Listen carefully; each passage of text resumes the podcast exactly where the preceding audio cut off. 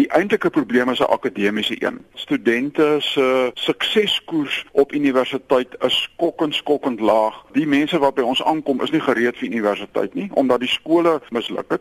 Maar punt 2 is ek dink ons eie onderrigmodelle is baie geskool op die veronderstelling dat mense op dieselfde basis is en dit is eenvoudig nie die waarheid. So universiteit so Stellenbosch wat 'n bevoordeelde plek is, hy trek meestal studente wat akademies redelik goed voorberei het, maar UWK doen dit nie. En hulle is juis universiteite wat dit die minste kan bekostig. Ons is 'n baie oneffektiewe stelsel. Veral as jy Unisa intel by die syfer wat natuurlik baie slegter dit lyk. Ons studente slaag nie met hulle eerste pogings nie, met die gevolg dat 'n baie klein persentasie van studente, omtrent 'n derde, slaag hulle eerste 3-jarige bakkalaureusgraad in die minimumtyd met ander woorde in 3 jaar. En dan die slegte nuus is is dat na 5 jaar stap amper die helfte van studente weg sonder dat hulle 'n formele kwalifikasie behaal het. Hulle het wel 'n akademiese rekord met 'n klompie krediete op, maar daarmee kan jy nie gaan werk soek nie. So ons krisis is natuurlik finansiëel, maar die werklike krisis is akademies van aard. Piet, wat van om die graad dalk langer te maak? As hulle dit nie in 3 jaar kan voltooi nie, hoekom maak ons nie uh, byvoorbeeld 'n BA graad 4 jaar lank nie?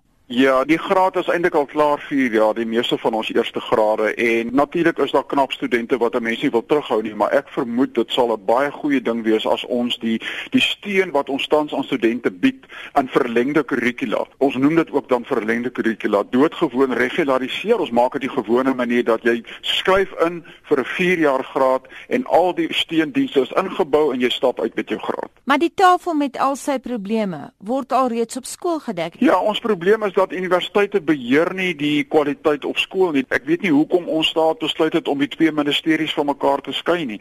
Jy weet 'n minister van hoër onderwys en 'n minister van basiese onderwys, dit mag wees dat die werk so baie is dat twee mense dit moet doen, maar die stelsel behoort absoluut met mekaar te praat sodat ons weet dat die wiskundige rekenvaardighede, die skryfvaardighede, die denkvaardighede wat jy in graad 12 nodig het vir 'n bakkalaureus slaag, behoort goed genoeg te wees dat as jy student eerste jaar instap, jy weet ek kom nie met hoef te leer lees nie. Hy moet daarom kan lees.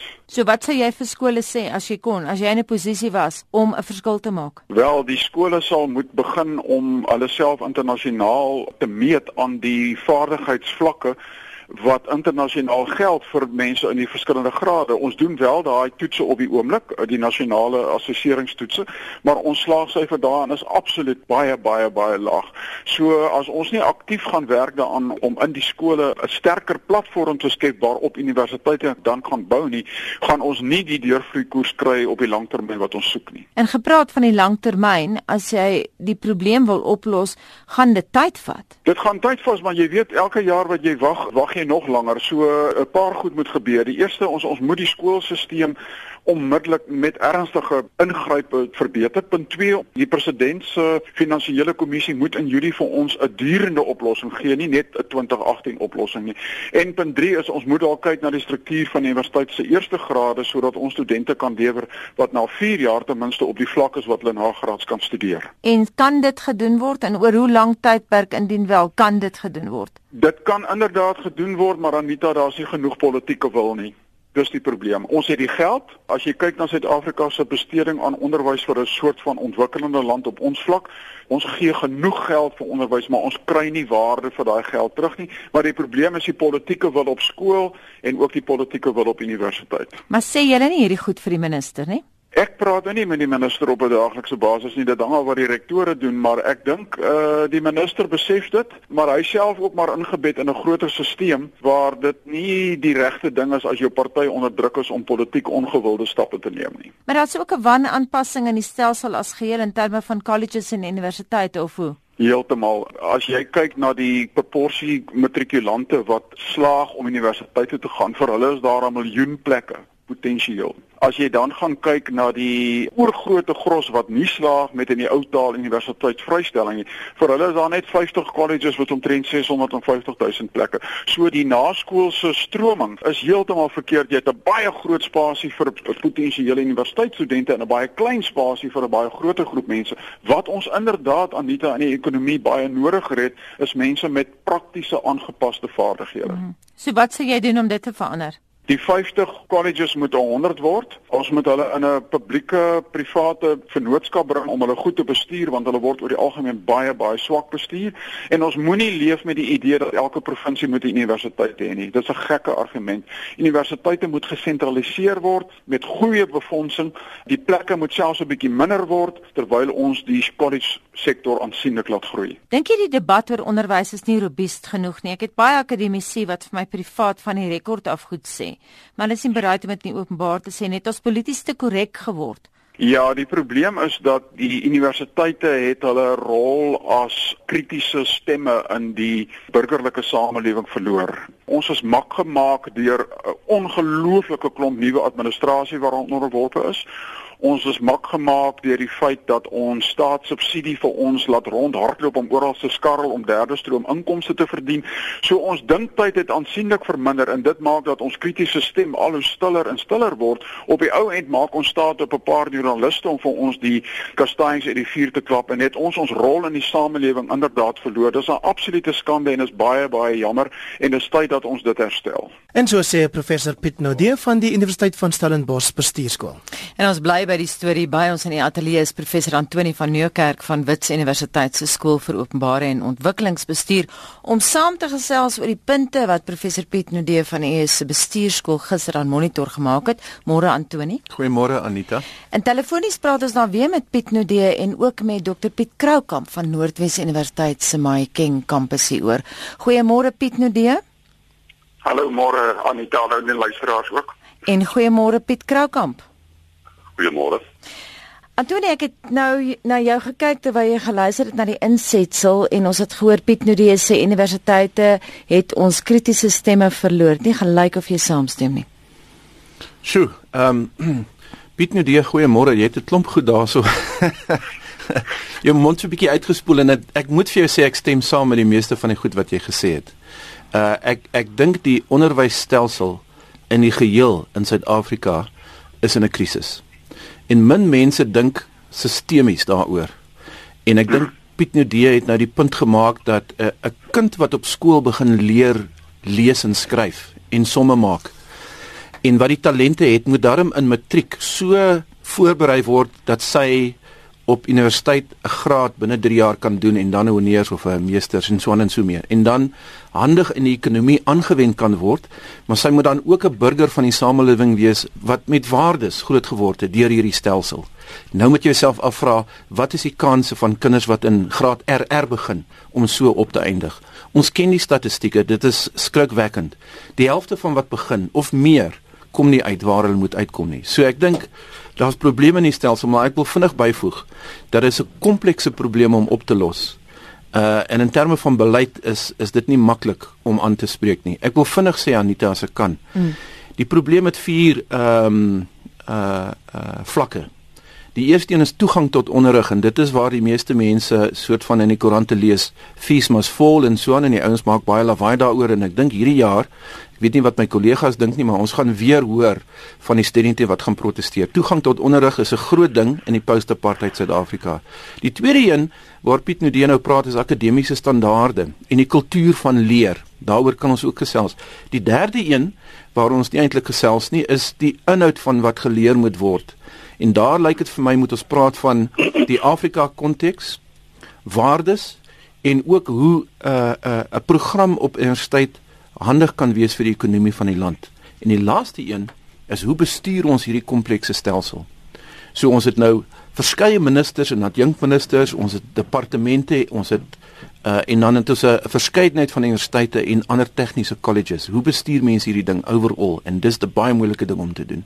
Kom ons gaan na Piet Kroukamp van Noordwes Universiteit se Mahikeng kampus toe. Piet, wat spreek tot jou in terme van wat Piet Nudee en Antoni gesê het?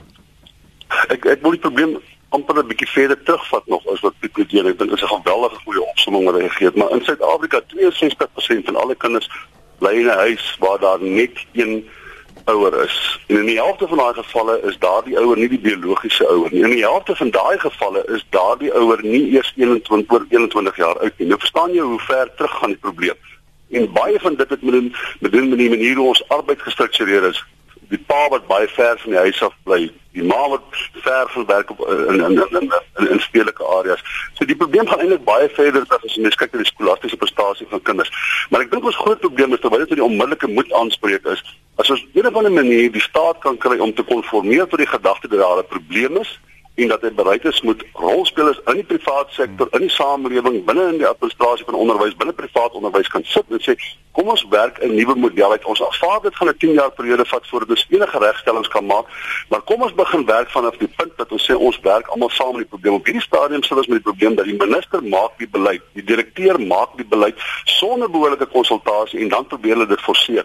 En ek dink dis presies, ek dink Pieter daarna verwys. Dis presies waar die probleem is. Konsultasie en beleid word nie geformuleer uh in agneming die komplekse netwerk van mense wat daar op die grondvlak bestaan wat wel betrokke is by onderwys en wat 'n beduidende bedryf bydra kan lewer. Die regering wil eensaidig beleid formuleer en dit is die probleem. Piet nou die Ja, ek meen dit is natuurlik soos die kollegas inderdaad sê 'n komplekse probleem. Ek meen ek kan ek het selfs al gaan kyk na die na byvoorbeeld voorskoolse kinders uh, se se se se uh, toegang tot gesonde kos want as jy nie as jou bloedvlakke nie reg is en jy eet nie dan kan jy uiteraard nie konsentreer nie. Ek wil nie op al daai goed ingaan nie want dit dit maak dan die probleem so wyd dat jy by ouende half voel jy is heeltemal lam. Ek dink ek sê saam met die kollegas dat dit 'n sistemiese probleem wat ons ernstig moet aanspreek met al die kundigheid wat beskikbaar is. Die probleem aan nie aan dit is die tragiese ding die middelklas en ryker ouers ontwyk hierdie ding deur hulle kinders in privaat skole te plaas of in die goedkoper nuwe privaat skole wat inderdaad nie so duur is nie wat 'n wonderlike oplossing eintlik bied.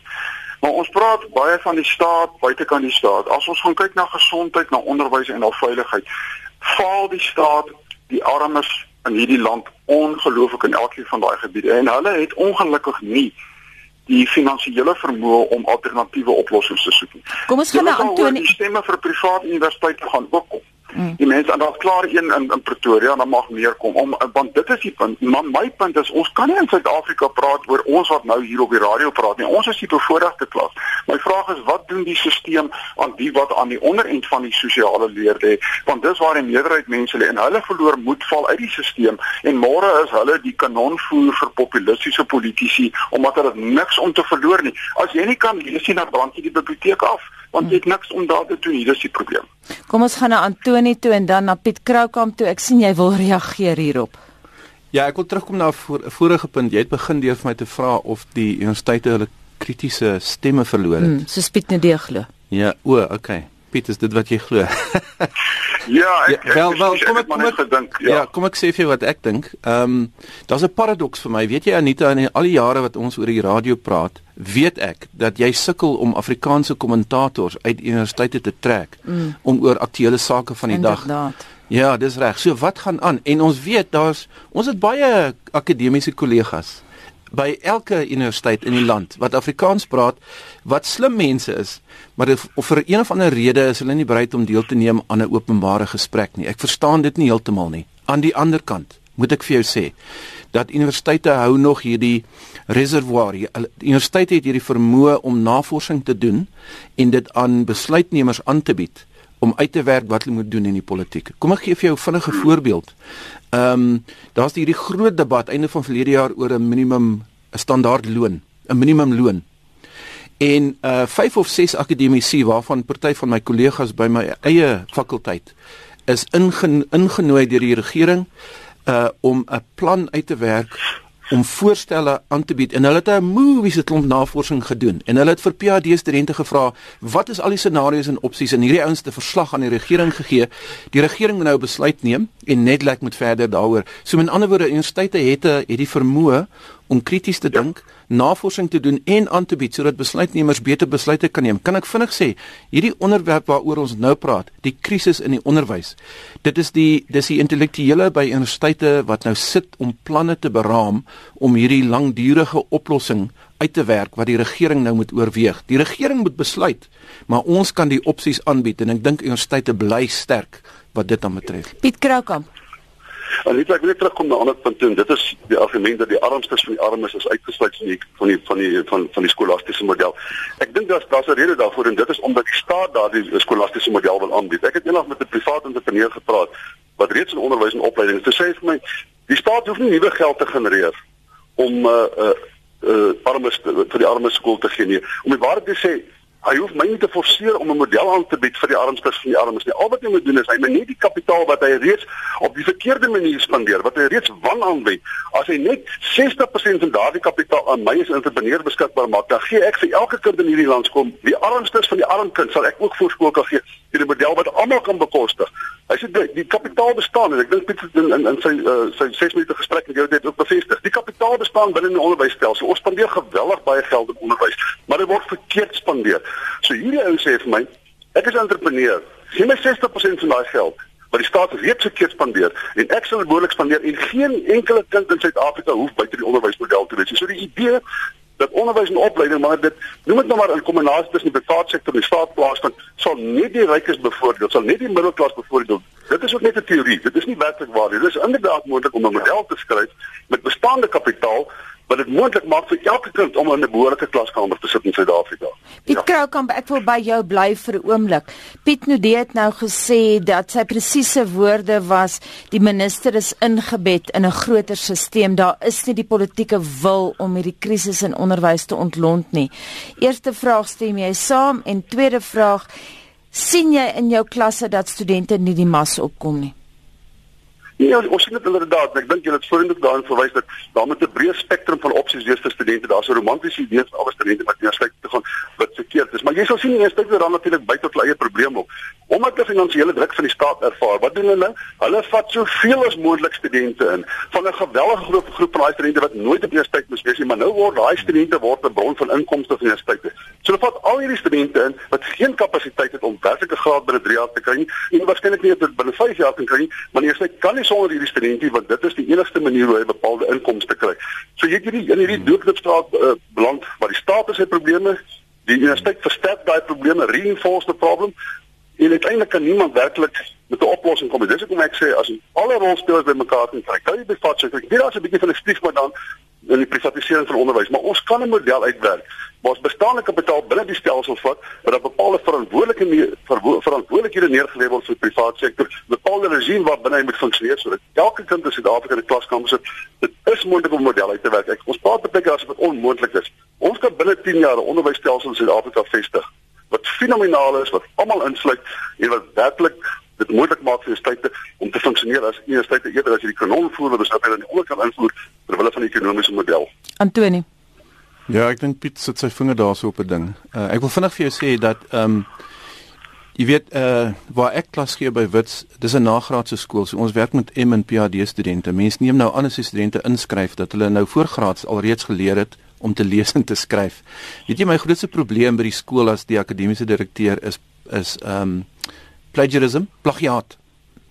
Plagia, plagiaat is as jy opstel skryf en jy steel iemand anders se woorde en jy bied dit aan as jou eie. En dis 'n nagraadse skool, ons wat M en PhD. Daar's PhD's wat wat wat wat lei aan plagiaat.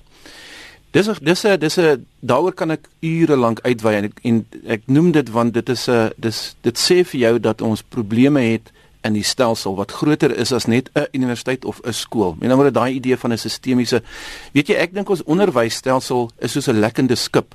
Die gaatjie is onder die water, jy sien hom nie noodwendig raak nie, maar die die skip is besig om stadig te sink. En Piet, beide Piete is reg. As ons nie met vars innoverende denke vorendag kom nie, dan gaan ons uh, dan gaan dan gaan die land afgetrek word deur die onvermoë van sy van sy burgers om ordentlik te werk uh of in die ekonomie of onder mekaar. Die laaste ding wat ek wil sê is ek hou van die idee van om om die om die verhouding tussen die privaat en die openbare sektor verder mm. te te te ondersoek. Ek dink daar lê baie waarde in. Weet jy, ek dink aan die oos aan die Asiatiese uh uh modelle waar waar ekonomie vinnig glad modern funksioneer toekoms van globalisering.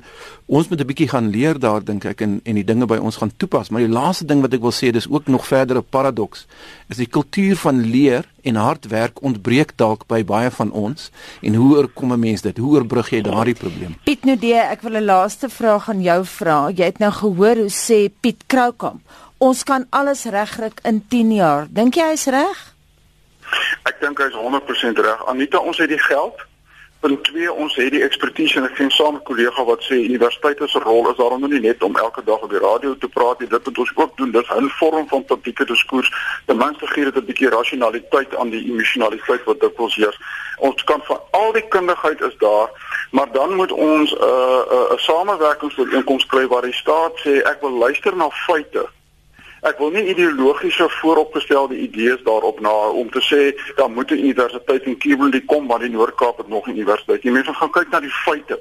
En as ons dit kan doen, kan ons die stelsel eintlik baie vinnig omkeer, want ons het die geld, ons het die ekspertise, ons het ook die goodwill van baie spelers daar buite. Maar dan moet ons 'n onderwyskongres hou soos wat ons gehad het toe ons die grondwet onderhandel het, want hierdie ding is die basis aan die tafel van alle ander probleme in Suid-Afrika. As jy onderwys nie reg kry nie, gaan ekonomiese groei jou nie help nie want jy gaan nie die mense hê om daai groei te bevorder nie. So wat my aanbetref, dit kan gedoen word as ons die politieke wil daarvoor kry, kan ons hierdie ding binne 10 jaar omdraai. Ek het nou gesê laaste vraag aan jou professor Piet Nudee, maar ek wil tog vir Piet Kroukamp vra. Ons het nou gehoor dat Piet Nudee sê daar is nie die politieke wil nie, dit ontbreek. Stem jy saam? Ja, terwyl ons dit, dit nie vir ons moontlik wat ons eintlik moet kan doen is om die minister kan fire van ontslae te raak. En dis om waar dit is ons met die hele politieke kultuur wat binne die regering bestaan, moet ons van ontslae raak. Maar dit kan ons nou nie oornag doen nie. Wat ons nou kan doen is moontlik kan doen in die intussen is om met die regering te kyk of ons moet kan sit, ons 'n redelike stembelle kan ontwikkel en sê ons is bereid om te help, ons is bereid om kompromie aan te gaan. Ons is bereid om julle ergens halfpad te ontmoet, maar maak ons bedeel en betrokke by besluitneming. En as jy net jy's daai goodwill kan koop, ek dink ons moet aanvaar dat die regering wil alles op sy eie doen. Maar dit is moontlik dink ek om met bepaalde individue 'n vorm van goodwill te koop en te sê kom ons kyk of ons nie 'n model kan uitwerk wat beter werk vir vir, vir alle kinders in Suid-Afrika nie. En ek dink ongelukkig daarvoor het jy 'n nuwe president nodig. Piet, ek moet nou sê Antoni sit lekker en lag toe jy sê ons met die minister fire. Hy wil die laaste woord hê Antoni. ek, ek wil net vir Piet en Piet sê dat ons kan nie hierdie probleem depolitiseer nie. Politiek is deel van die probleem. Ons moet die regering en die regerende party deel maak van die oplossing. Hierdie ouens gaan nie weggaan vandag, môre of oor 'n paar jaar nie. So ons moet werk met hierdie ouens. Um, ek het al met albei ministers gewerk.